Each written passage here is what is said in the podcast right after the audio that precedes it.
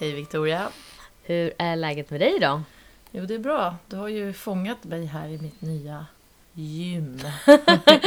Situationstecken. Du har precis kommit ut ur duschen. Ja. Mm. Eh, Så nyårslöftet eh, håller i?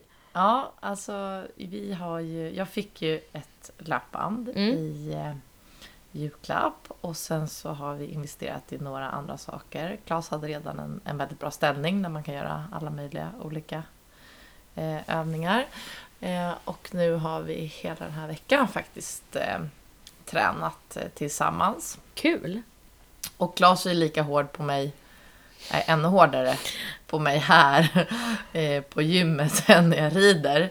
Ja. Eh, så att, eh, ja, jag känner mig superpeppad. Mm. Så nu är jag fortfarande lite speedad tror jag efter träningen här. Adrenalinkick. Ja, Men det är ju också så mycket lättare när man är två och tränar tycker jag. Eller flera. Ja. Alltså att inte göra det själv. Och idag var en sån här dag som jag hade aldrig gjort det. Nej. Om det inte var så att det låg ovanpå stallet Nej. och vi var där båda två. För Mm. att jag satt av sista hästen nu kvart över fem. Mm. Eh, och det är lördag och vi ska ha eh, födelsedagsmiddag tillsammans med dig Ja. och min pappa som har kommit hem från en resa. Mm. För du har ju fyllt år också. Precis, så vi ska ju fira lite ikväll. Ja.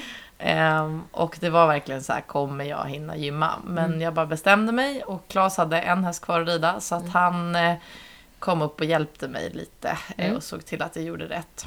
Jag har ju ett mål. Mm. Jag har ju aldrig kunnat göra armhävningar. Nej, alltså på tårna.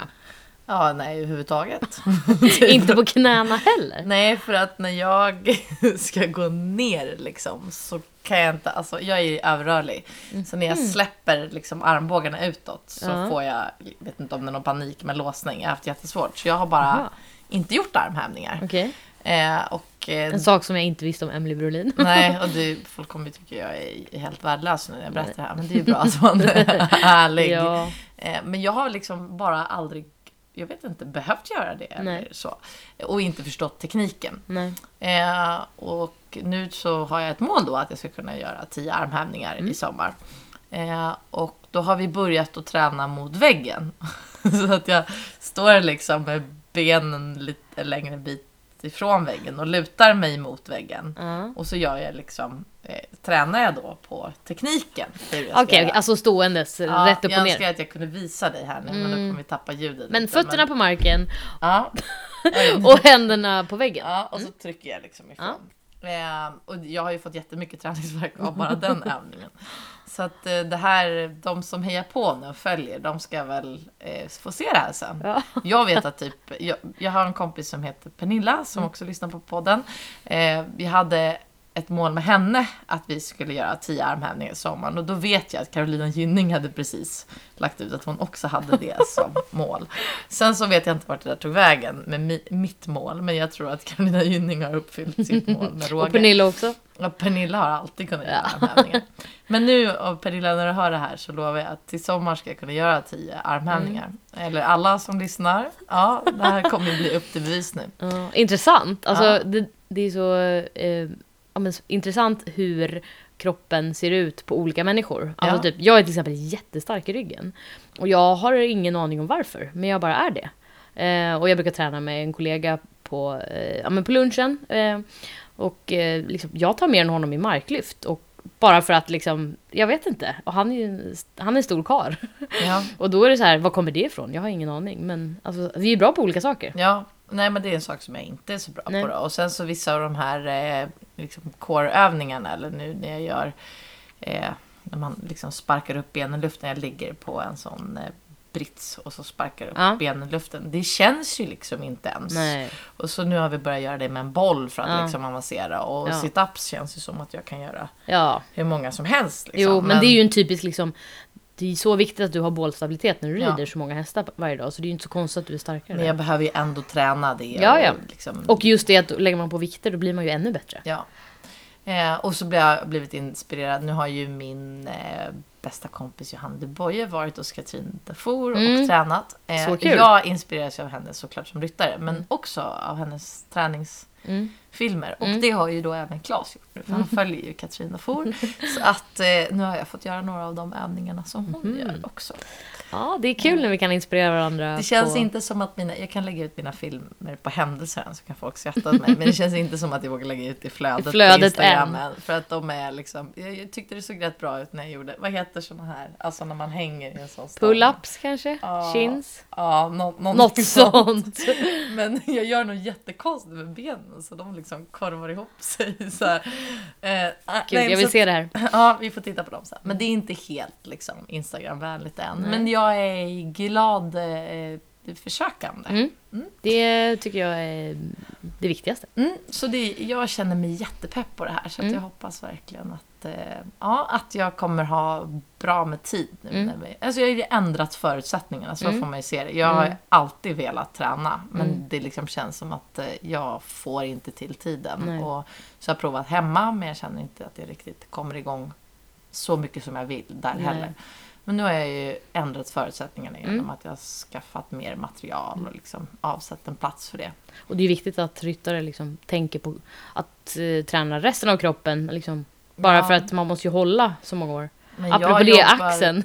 Ja, men axeln är helt bra nu. Annars Ja, skulle jag inte kunna göra de här Nej. övningarna heller. Men det är ju också en sak. Jag måste ju bli eh, ha, få mer muskler Ja. Mm. där och bli starkare. Så att, eh, förhoppningsvis nu om jag tränar rätt så kommer jag ju inte få tillbaka med problemen. Nej. Men jag tränar ju för ridningen. Det är Såklart. ju enda avsikten Mm. med den här träningen. Och för att liksom sitta bättre och komma bättre i Mm. balans.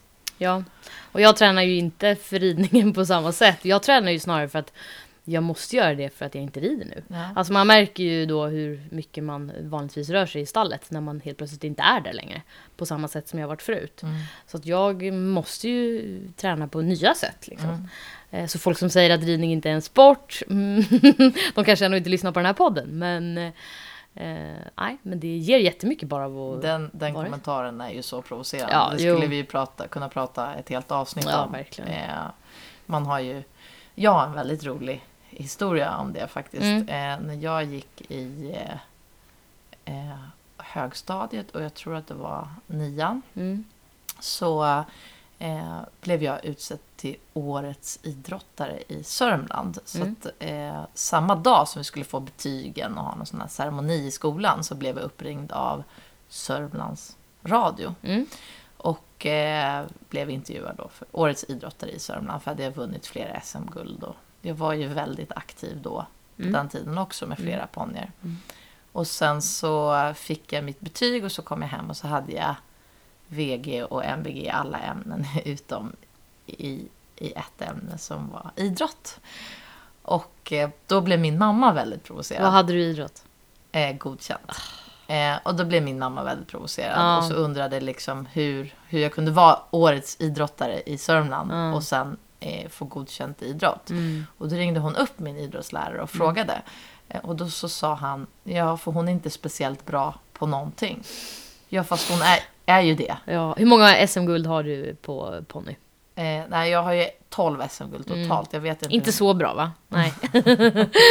Nej men samtidigt, man måste ju förstå, han, han kunde ju inte bedöma min, min ridförmåga. Nej. Men anledningen till att jag inte var superduktig på att göra mål i bandy eller spela fotboll Nej. var ju för att jag kunde ju inte lägga tid på Att någon av dem. Utan det jag gjorde var ju liksom Mm. eh, min, min gren då Mm. idrott. Ehm, och det är väl någonstans någonting till alla eh, hästtjejer och hästkillar där ute. Mm. Att eh, verkligen att vi ska fortsätta kämpa och visa att ryttare är idrottare. Ja. Jo men när Peder vann Jerringpriset två år i rad så Ja men liksom det var ju ram, ramaskri första gången och andra gången var det liksom inte lika mycket ja, men nyhetsartiklar. Så jag tänker att ja, ju längre tiden går desto bättre blir det, som med allt. Och det här var ju några år sedan också så att... Ja, och sen så måste man väl säga det att flera av dem som jag har haft som förebilder och tränare eh, kanske inte har varit så duktiga på att marknadsföra oss ryttare som Nej. idrottare heller. Jag tänker så här, det, liksom, det finns ju inte längre att man ser någon stå och röka på, av de här duktigaste Nej. på tävlingsplatserna Nej. eller eh, vara ute och festa på kvällarna och sådär. Men det kanske var mer accepterat förut Mm. på ett annat sätt. Eh, och det tycker jag, alltså, jag vet, Daniel Bachman och Katrin Dufour har ju lagt upp träningsfilmer hela tiden nu. eh, Och i princip alla. Att de liksom tar hand om sig och tränar på ett annat sätt. Och det är ju jättebra. Eh, och det krävs idag. Det kanske inte behövdes lika mycket förut för att alla gjorde likadant. De red och liksom, ja. Ja, och så går man ju sina liksom 10 000 steg med råge Ja. i stallet. Mm. Så att man behöver ju inte träna på samma sätt där. Det är bara Nej. det att man måste träna mer ja, men muskler Ja. på ett annat sätt. Jag tror bara att liksom eh, ryttare, alltså alla är så jäkla bra idag så att Mm. man måste göra, det är ju så att den som är bäst den tränar ju mer än alla andra Ja. och bättre än alla andra. Ja. Och de som är bäst idag, de gör allt det här så vi kan liksom inte ligga efter. Vi, vi måste vara med. Nej. När jag tänker typ när din mamma Chris red eh, Grand Prix. Eh, hur det såg ut då jämfört med idag. Alltså så här, de kanske inte kollade igenom hästarna och hade supersnabba skor. Och, nej men Nej, alltså men det har ju, allting har utvecklats. utvecklats, ja. Mm. Och här, men jag tycker att det ligger ett ansvar på oss eh, liksom, som rider på hög nivå också att liksom, verkligen kämpa för att Mm. eh, ridsporten ska bli mer erkänd Mm. också som sport. Ja, Men det, går ju framåt. Ja, men det är helt rätt. Jag eh, har ju också ett eh, nyårs... Eh, inte löfte, men... Eh, ja, det här är ju då, apropå träning, så har jag och en eh, kollega bestämt oss för att göra halvklassiken. Oj, Jag vet. Jag har ju bara gjort en av de fyra grenarna än så länge. Eh, och det vet jag att jag klarar. Men de andra Ja. tre... det är Vättern. Ja, jag har gjort halvvättern förut. Eh, och helklassiken är ju då Vasaloppet, Vätternrundan, Lidingöloppet och Vansbrosimmet. Mm. Men halvklassiken är ju halva sträckorna, liksom, och halva ordinarie sträckorna. Så att cyklingen vet jag ju att jag klarar, men det här med simning och eh, att springa en och en halv mil och eh, att ta sig runt ett halvt Vasalopp, det har jag ju inte Men gjort förut. vilket år, alltså när ska du åka Eh, halvvasan? Nu? blir, nej, nej, det är nästa år. Ja, men då kanske jag kan åka med dig. Ja. Jag har ju åkt hela Vasaloppet. Ja, så jag skulle ju kunna tänka mig göra det halvvasan. Bara Ja. Mm. kul att göra det. Men du, ja. Ja, nej, så att än så länge har jag ju inte ens några eh, skidor. Nej, men jag tänker då, att Det betyder ju alltså att nästa år ska vi träna skidåkning. Ja, det ska vi göra. Så Spännande. jag tänker att också om jag säger det här liksom högt så måste det ju hända. Så planen nu är att vi ska börja med simningen i år och sen så kör vi då Lidingöloppet, Vasaloppet och eh, sist Vätternrundan. Mhm. Fast då halva. Mm.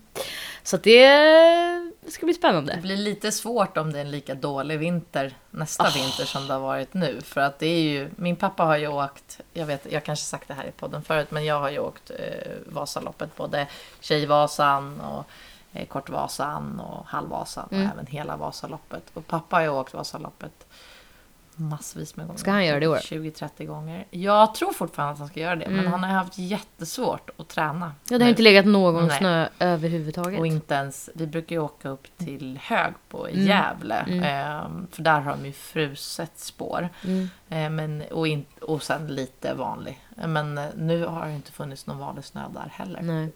Nej. Det, jag vet inte ens hur de löser det rent krasst om, eh, med tanke på... Alltså hur får de upp snön till, till Sälen? Nej, jag vet inte hur det där fungerar. Nej, nej, min Eller ner borde ju- Eller liksom... Ja, ja, från, dem- från norra till... Ja, från Ja. typ Åre kanske. Eller Nå, någonstans norr. inte de Och, från Skåne. nej, okej, är helt Ja. rätt.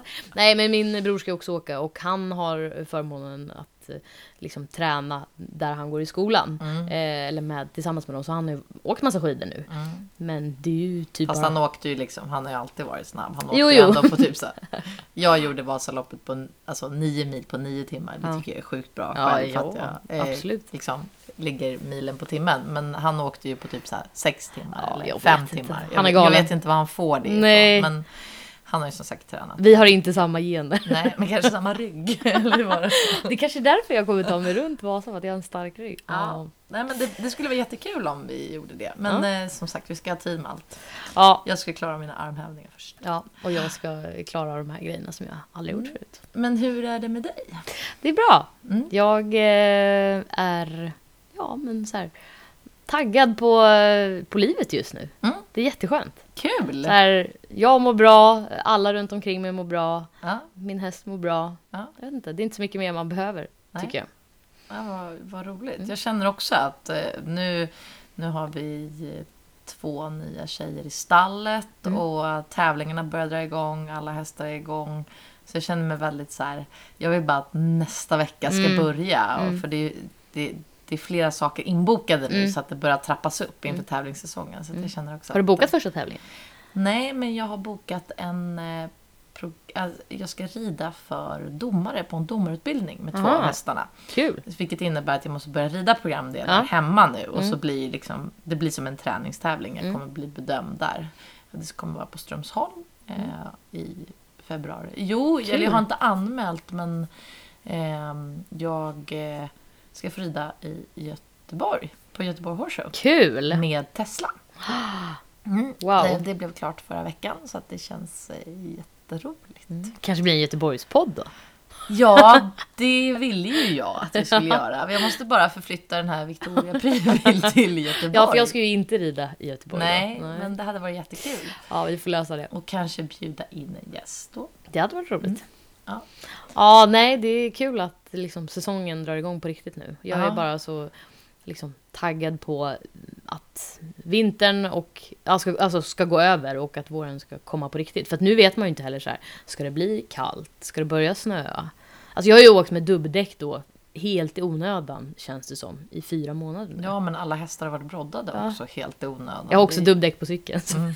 Fast det var ju bra för att du ramlade Det var ju bra. inte hade dubbdäck på cykeln. Ja, nej men mer liksom, vad ska man göra? Nej, det är svårt att veta.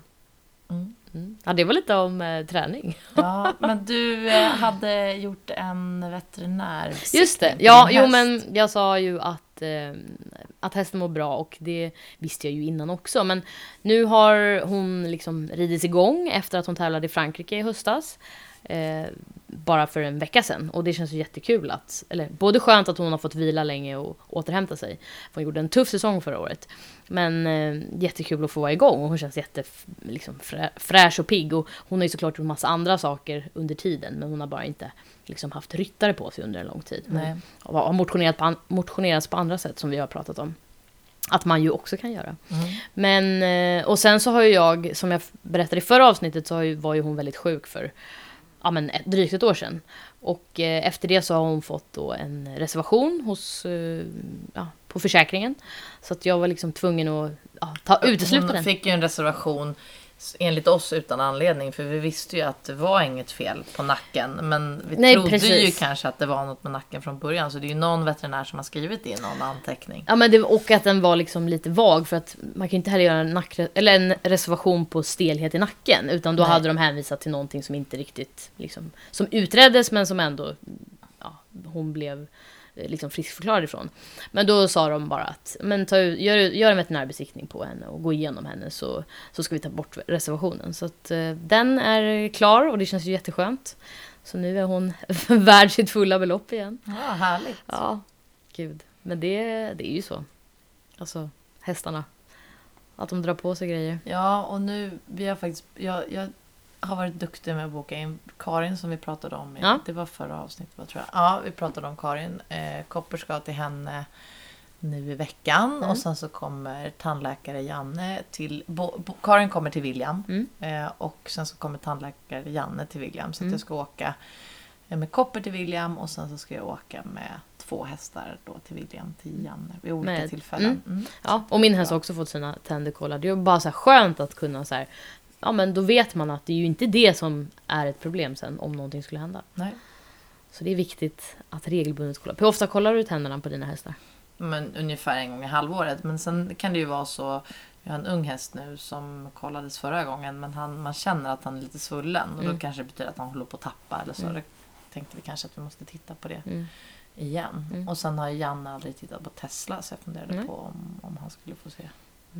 Just sådär när man har en ny häst och man jobbar Mm. med, med de man jobbar med. Att det är bra att ha en grund liksom. Mm. Så att man inte missar någonting. Det är kul att våra hästar har samma, Team. ja, samma tid fast som står på olika ställen. Ja. Mm. Ja, eh, veckans fråga är från Alvin. Mm. Och han undrar hur man gör när man transporterar hästar. Mm. Lite längre resor. Eh, och han frågade också när det gällde flyg och sådär. Och jag har ju aldrig flugit med någon häst, så jag Nej. tänkte liksom lämna det lite. Mm. Eh, nu vet jag att eh, jag har en jag känner kommer snart flyga med en häst, Mm. tror jag. Spännande. Eh, så då kanske jag har lite mer information så vi kan komma tillbaka till flygbiten sen. Men jag har ju tävlat internationellt både på ponny och stor häst sen jag var eh, 12 år gammal. Mm. Vilka länder har du varit i? Oj. Eh, Några Dan- av dem. Danmark, Ja. Norge, ja. Finland, Mm. England, Frankrike, eh, Italien. ja, några av länderna. Mm, det är några av länderna. Mm. Min häst har ju varit i Polen och i Frankrike. Mm. Jag har varit i Ungern Mm. också Mm. och tävlat. Ehm, och då är det ju så här att ehm, till att börja med när man kör häst och mycket utomlands och tävlingsryttare så måste man ha något som heter ett kompetensbevis för att transportera häst. Mm. Och det tar man då, eh, det är en utbildning man går. Mm. Och flera andra länder är ännu hårdare på att kontrollera det här när man kör häst. Det kan bli väldigt dyra böter om man inte har sådana här kompetensbevis. Så eh, det behöver man kolla upp. Man Alltså måste, den som kör lastbilen eller? ja, den som kör hästarna. Ja. Det kan vara någon annan som kör som har ett lastbilskörkort. Men då måste jag som har det här kompetensbeviset Vara med. finnas med. Mm. Mm. Och sen eh, är det så att eh, om man ska transportera hästar över åtta timmar Mm. och har dem i, i verksamhet också eh, som vi har när vi tävlar. Då behöver alla fordon vara eh, besiktade och godkända av Länsstyrelsen. Mm.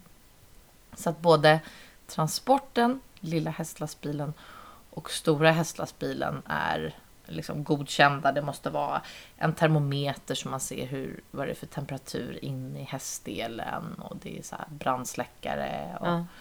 eh, ja, så kollar de igenom allting så att det inte är något farligt om hästarna kan fastna i eller sådär. Mm. Eh, och sen så ska man ju inte... Först så har man ju sin egna, om man kör stora hästlastbilen, då har man ju sina egna kör och vilotider man måste anpassa sig efter. Mm.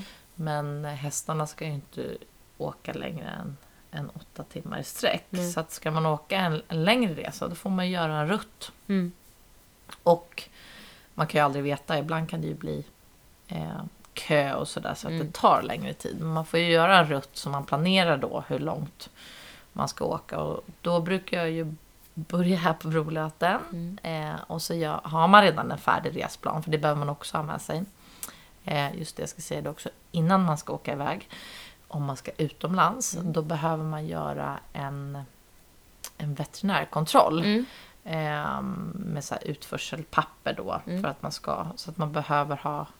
Det är för att inte hästarna ska bära med sig smittor och sånt Mm. heller. Att de ska vara friska när de åker. Ja, så Mm. då kommer det en veterinär hit och gör en sån friskhetskontroll. Mm. Att tittar att hästen ser bra ut och Mm. stämplar ett papper man måste ha med sig. Mm. Och sen måste de ju ha speciella pass.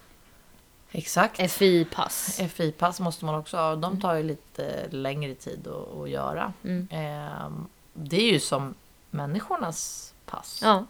Eh, Men här ritar man då Mm. eh, hur hästarna ser ut Mm. i passen. Så hästarna måste ha ett pass. De måste också vara vaccinerade en gång i halvåret. Mm. Inte som i, i Sverige. Nu finns det ju rekommendationer då att hur man ska vaccinera i Sverige också. Men Mm. eh, för att tävla i Sverige bör de inte än så länge vara vaccinerade en gång i halvåret. Nej. Men för att man ska få tävla utomlands måste de vara vaccinerade en gång i halvåret. Mm.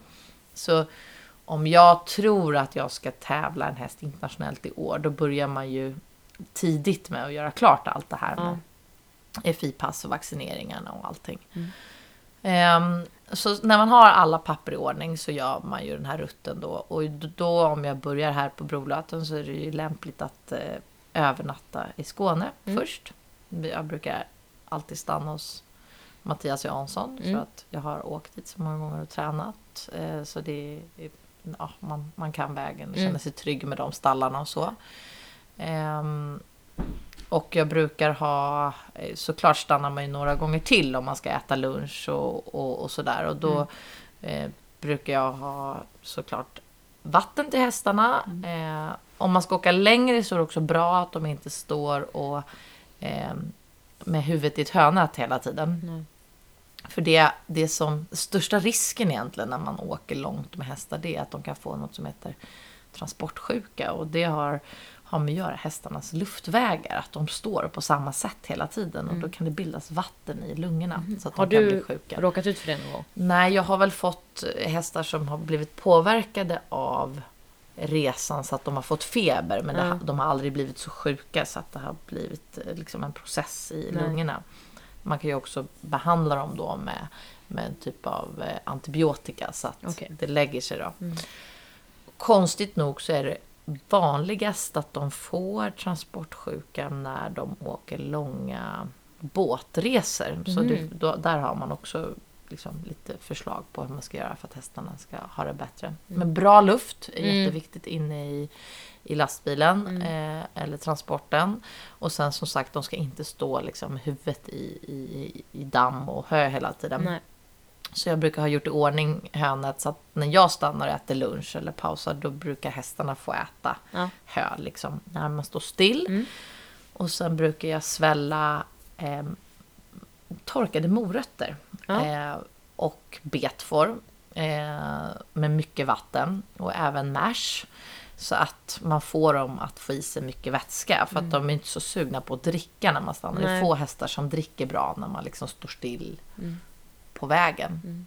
Och sen är det väl också smart att kanske inte ge dem lika mycket kraftfoder som de vanligtvis får om de ska Nej, resa för långt. de ska ju ändå inte göra någonting eh, om man ska resa i två, tre dagar. Nej. Sen är det så att man åker på sommaren, som när vi skulle till unges-VM i, i Holland förra året. Då eh, åker man ju på natten. Mm. För att det är inte är bra för hästarna att Nej. transporteras eh, i, för varmt. Nej. Ehm, och det där är ju det är ju väldigt spännande det här med att hålla på med hästar och resa med hästar för att eh, eh, jag tänker fotbollsspelare eller eh, någon annan gren Zlatan. så kanske man åker eh, flygplan, har sina massörer Mm. och är utvilad inför prestationen. De flesta ryttare som, som håller på kör ju hästarna själva Ja. och vi kanske då måste köra tre dygn på natten ner Ja. till tävlingsplatsen. Och sen ska vi förväntas vara i toppform Mm. och prestera. Mm. Så att eh, då kanske man kör på natten. Och sen har man rest så här många år som jag har gjort med hästar. Då eh, har man rätt mycket kontakter och massa platser man brukar stanna på. Mm. Så man kan antingen stanna någonstans i Danmark sen eller precis när man kommer in i, i Tyskland. Mm. Och det beror ju lite på vart man ska sen från Tyskland. Tyskland brukar ju ändå vara någon typ av hållpunkt. Eh, även om man ska vidare till Polen. Eller, Mm. eh, så. Ehm, och eh, det är ju också så att om man ska tävla internationellt så är det ju jätteviktigt att man inte kontamineras med några mediciner och sånt. Så man kan Mm. ju inte få vilka stallar som helst Nej. där man inte vet vad det har stått för andra hästar i. Och man kan inte heller få vilka boxar som helst utan det är ju Nej. bra om man har sett Mm. platsen. Sen finns det ju vi som eh, som jag som tränar och tävlar har ju väldigt mycket kontakter så att det finns folk man kan fråga som reser mycket mer än vad jag Mm. gör också så man får bra Mm. ställen att stanna på. Det är också väldigt skönt att hitta stall som ligger nära motorvägen så att Ja. man inte behöver åka Alldeles för långt ifrån för långt. Jag har ju en väldigt rolig resa, eller jag har jättemånga historier. Eh, Vissa kanske får vänta lite med innan de får vara med i podden. Men jag har en, en rolig historia när vi... eh, Jag var 21, sista års Young Rider. ehm, och ehm, ehm, skulle tävla EM i Milano.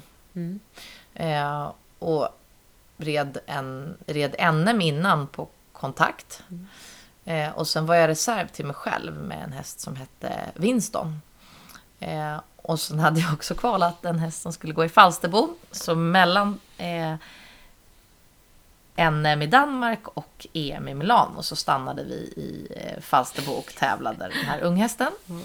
Eh, och eh, då gräver kontakt så mycket i boxen i Falsterbo där han bara är med och tränar liksom för Ja. att han ska vidare till ett EM. Så han får in som en, en sticka i, i kotan och får ett jättesvullet ben. Och då vågade inte vi chansa på att köra kontakt hela vägen till Nej. Italien ifall han inte skulle bli bra. Nej. Så att Winston som var min egen reserv transporterades ner till Falsterbo och sen skulle jag ha med mig tre häst, eller två hästar till Falsterbo. Plus Juliet Rammel som nu eh, är landslagsryttare och en av dem som vi hoppas ska rida OS nu då.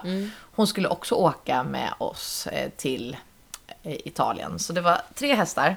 Eh, jag och min bror och sen så eh, farbror Stig som du har träffat väldigt eh, mycket. Ja. Som hjälpte mig jättemycket att köra på jättemånga tävlingar innan jag fick körkort och innan jag hade lastbilskörkort. Eftersom att mamma drev verksamheten här på Brolöten och inte alltid kunde vara med och köra. Så Stig skulle hjälpa till att köra till eh, Milano och jag hade ju lastbilskörkort då, så jag och Stig skulle turas om. Och eh, vi körde på natten ner och resan ner dit gick bra. Och vi genomförde EM och kontakt var så pass bra sen när vi väl skulle bestämma vilken häst jag skulle rida så att han klarade vettchecken. Så Winston fick en, en bra eh, erfarenhet i Italien eh, med att bara eh, vara med och se allting. Glida. Eh, ja. Eh, och sen eh, i, på sådana stora tävlingar så är det oftast en avslutningsceremoni som ryttarna måste vara med på. Invigning också brukar det vara. Ja, Eh, och den här avslutningsceremonin var ju flera timmar efter vi hade tävlat Åh, klart när man i bara typ vill- så här 38 grader. Eh, det var supervarmt på natten också. och Vi bodde i lastbilen och AC'n i lastbilen funkar inte. Det var så här supertuff vecka. Och jag hade ju ridit två hästar om dagen hela tiden för att jag hade två hästar med. Och sen skulle vi köra då från eh, Milano. Och Stig eh, hade hjälpt till att köra ner, men han hade också, vi gjorde ofta så att för att han skulle följa med och kunna köra ner så hade han sin fru med i en husbil. Eh, så de hade semester i Italien under tiden jag tävlade och sen hjälpte han mig att köra hem. Ja. Körde ni med hus... Nej, husbil ja. Ja, så hon körde liksom hon husbil körde husbilen bredvid han körde. Bakom. Mm. Smart Ja. ändå. Eh, och sen försökte vi ju åka som en kolonn, många lastbilar. Det var bland annat Nina Hoffman och hennes pappa eh, och några till. Så att alla skulle åka efter varandra Ja. så att vi kunde hjälpas åt om det var någonting. Mm. Så efter den här avslutningsceremonin så skulle vi eh, snabbt packa in allting. Eh, nej, egentligen hade Christian stått då i 38 graders värme och eh, fått in allting i, eller hur varmt det nu blir, jag vet inte. Mm. Nej, men det var eh, för varmt. Supervarmt i alla fall. Och han hade fått in allting i lastbilen så den var liksom good to go. Ehm, och då ser jag hur Nina Hoffmans pappa bara kör. Och Stig har inte kommit än. och det var ju så här i, i, i bergen i Italien, liksom jättesmå vägar och allting. Jag kände ju så här, eh, vi måste ju åka med kolonnen nu så vi hittar till, till första uppstallningsplatsen. Det var också på den tiden när man liksom inte hade GPS i telefonen. Utan Nej, exakt. Man åkte med karta och... Ja, eh, så Christian och jag och Juliette och en kompis till henne är liksom redo att åka. Men Stig har inte kommit. Vart och då är det så här, ska jag vänta på Stig eller ska jag åka efter de andra hästlastbilarna? Så jag fattar beslutet vi kör. Och precis när vi rullar ut från tävlingsplatsen så börjar Christian och kräkas ut genom eh, lastbilsdörren. Då har han fått solsting för att han har lyft in allting i lastbilen själv när vi har varit på den här invigningsceremonin. Ehm, och sen så kommer vi en bit utifrån tävlingsplatsen, vi kanske har kört i 10 minuter. Och då ser jag Stigs husbil i ett dike. Och då står han, Stig, Och bara vinkar. vinkar med handen. Så här. Ja, hej hej. Och då... Eh, sen fick ju jag köra själv då. Eh, två nätter. Från Italien till Tyskland och sen från Tyskland till Sverige. Men varför, varför stod han Varför där? var Stig i ett dike? Ja. Jo, då hör det till saken att de har blivit stoppade av typ Carabinieras. Som alltså är? den italienska polisen. Det finns ju två poliser i Italien. En Okej. som är polis-polis och en som är Maffia? militärens Aha. polis. Men ja, det finns också korrumperade poliser. Ja. Eller några som kanske inte ens var poliser utan var utklädda till poliser. Så de blir alltså stannade av några som säger att de är poliser. Och polisen går då in och går igenom hela husbilen. Eh, och sen när poliserna, och så säger de så här, ni kan åka. Och då när polisen har åkt så upptäcker de att de har tagit hela reskassan på flera tusen. Nej. Så att det var ju inte poliser. Eller så var de typ korrumperade. Också på den tiden när man inte hade Swish och eh, betalkort Nej, i samma utsträckning. Exakt. Eh, och då har de blivit så stressade efter de har blivit eh, upptäckt allt det här. Och då var det Stigs fru som skulle köra. Och, så hon kör ner i diket. Förlåt att jag skrattar. Så då har vi alltså, då sitter jag där och kör 21 år gammal, tre hästar i lastbilen, tävlat en hel vecka. Ja. Och alla som är med mig är ju yngre än mig. Mm. Juliette var väl 18 och Christian kunde ju inte köra lastbilen. Och Christian var ju dessutom, han var ju sjuk i solsting. Ja. eh, och eh, då gick de andra lastbilarna mycket fortare än vad min lastbil gjorde. För att det är också så att de här stora hästlastbilarna, de är spärrade på 90 km i timmen. Ja. Men den här spärren är liksom inte exakt på alla lastbilar Nej. likadant. Så några lastbilar går lite fortare. Eh, så att jag tappade ju min kolonn som jag hade kämpat efter och följa efter så länge. Så där var vi, eh, knappt torra bakom öronen någon av oss. Någonstans i mörkret mitt i natten i Italien. Men det gick ju bra. Ni kom hem. Vi kom hem. Eh, och Stig kom också hem. Och han körde mig på några tävlingar till efter det. Och Kom han hem före er eller? nej, vi, han kom ikapp oss i, i Skåne. Så Okej. sen hjälpte han till att köra Ja. sista biten. Gud. Ja. ja. Men det finns några sådana här Ja. historier på lager. Verkligen. Ehm, ja, det är faktiskt lite... Ja, det är jättemycket spännande saker man får vara med om. Ja. Och, Och mycket man får se. Ja, och det är också roligt så här, jag inser själv nu när jag sitter och pratar hur många av ryttarna som, som var då som är samma Ja. idag. Ja. Det är roligt. Ja, jättehäftigt. Eh, vi är ett gäng liksom som har fortsatt att, att tävla och, och kämpa och hålla på. Mm. Nej, det är väl, man saknar ju, jag tävlar ju inte internationellt i samma utsträckning nu som man gjorde då under Nej. hela ponny och junior-tiden. Och det är ju så otroligt roligt att få se alla de här. Man kommer ju till städer som man aldrig skulle Nej, verkligen. eh, hamna i, Mm. i annars. Eh, och det är jättemysigt att vara iväg med Ja. hästarna sådär. Ja, nu har jag varit i Polen två gånger eh, och var inte med till Frankrike. Men jag vet inte om jag hade åkt till Polen annars. Och det är ju Nej. jättehäftigt att få eh, uppleva det. Och speciellt när man sitter i en lastbil också så ser man ju allt längs med vägen. Ja. När vi är ute på semester så kanske man tar flyget till alltså resmålet. Så kommer Ja. man fram sent och åker taxi. Men här sitter man liksom och färdas mil efter mil. Pratar Men så- hästhistorier och, eh, och får se liksom, ja, ett Men annat så land. hamnar man ju liksom inte i några turistorter när man Nej. är på hästtävlingar. Utan man får se helt andra delar. Mm. Ja, nej men det var en liten avstickare i den här historien. Men den är väldigt hoppas- rolig. Jag hoppas att Alvin ändå känner att han fått svar Ja, på men- sin fråga. En sak, om man ska åka färja då. När vi åker från eh, Danmark till Tyskland så Mm. åker vi eh, Rödby Puttgarden. Det är ju en kortare båtresa. Man Mm. kan ju åka färja redan från Trelleborg till Travemünde. Ja. Det är en längre båttur. Men när man åker med häst så vill man ju helst åka så lite båt som möjligt. Mm. Ehm, men jag har ju också åkt och tävlat i Finland med Briman Ja. två gånger. Ehm, och det man ska tänka på när man åker de här långa båtresorna det är ju att hästarna får väldigt mycket plats. Och det är många som fäller upp alla mellanväggar Mm. in i lastbilarna så att de får som en box Ja, och kan stå och ta ner huvudet och, Mm. och röra på sig. Och min häst som är liten, hon kan också lägga sig ner Ja, då. det är helt otroligt. Ja.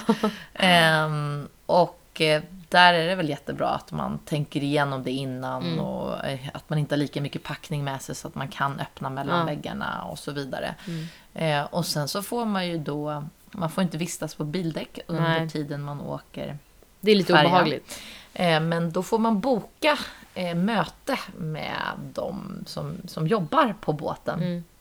För att gå ner och kolla liksom. Ja, och det är lite olika beroende på vilken, vilken båt man åker. Jag har ju även åkt till England och då är det ju samma sak. Men Ja. Vissa av de här i personalen tycker att det är okej att man går ner en gång i timmen. Ja. Medan eh, ibland på Finlandsbåtarna så säger de ni får bara gå ner fyra gånger under natten Ja. eller tre gånger under natten. Mm. Och är man flera då som ska tävla då kanske man turas om och har de här. Passen så att då kanske det räcker att man går upp en gång Mm. själv. Nej men det är ju skitläskigt egentligen att man lämnar hästarna där nere. Ja. Så förstår man ju kanske att man inte får vara där med dem ifall någonting skulle hända. Men alltså, de klarar ju ändå förvånansvärt bra. Ja, och de här hästarna som man åker på en internationell tävling med, de kanske man har gjort så pass mycket med innan som man känner. Jag skulle inte vilja åka på en sån här lång båtresa med en, En häst, okänd ja, häst, men nej. typ en ung, alltså en Nej. fyraåring eller något sånt där Nej. som man inte har rest så mycket med. Utan de måste ju vara liksom vana. Ja. Nej, ja, min häst ska ju förmodligen eh, tävla internationellt det här året också. Mm. Så att eh, vi får se lite vilka länder det blir. Men det är ju alltid spännande och jag kommer nog följa med så att jag får väl uppdatera om nya historier under men årets gång. jättekul. Och det finns ju flera historier jag Ja. kommer komma på här. Det gör det, men det har vi kanske inte tid för idag. Nej, det har vi inte. Nej. Men en sak till jag tänkte på, det är ju att jag upplever att de här hästarna som man har gjort alla de här utlandsresorna med, eller Ja. tävlat mycket med överhuvudtaget, Mm. de blir ju lite starkare personligheter, Ja. lite diviga liksom, just för att de får vara med om så Ja. mycket. Och kanske att man gör för det blir ju så tajt, man är. Mm. så nära hästarna under så lång tid. Eh, I jämförelse mot kanske i stallet eller så. Eh, Ja, men de blir ju världsvana. Ja, så jag tycker ju att, att de här hästarna som man rest och tävlat väldigt mycket med, de, de blir liksom lite, lite egna personligheter. Lite diver. Men de kanske var lite såna innan också. Ja, precis. Men man förstärker ju Ja. det här att de får Jo. liksom mer uppmärksamhet kanske. Ja, men så är det nog. Mm. Oj, det blir ett långt avsnitt idag. Det blir längre och längre och Ja, längre. om det är någonting Ja. som vi är bra på är det att prata. Ja, det är kul. Jag tycker Alltså, att det är jätteroligt. Oavsett om det är poddform eller inte så Ja. håller vi alltid låda. Ja. Jag tycker också det är kul. Eh, och fortsätt gärna att skicka in frågor till barbackapodden gmail.com. ja, det måste ni göra. Vi blir jätteglada när vi får frågor. Mm. Ja, men eh, då ses vi väl om en vecka då. Det gör vi. Ha det så bra. Ja. Hej, hej! Hej då!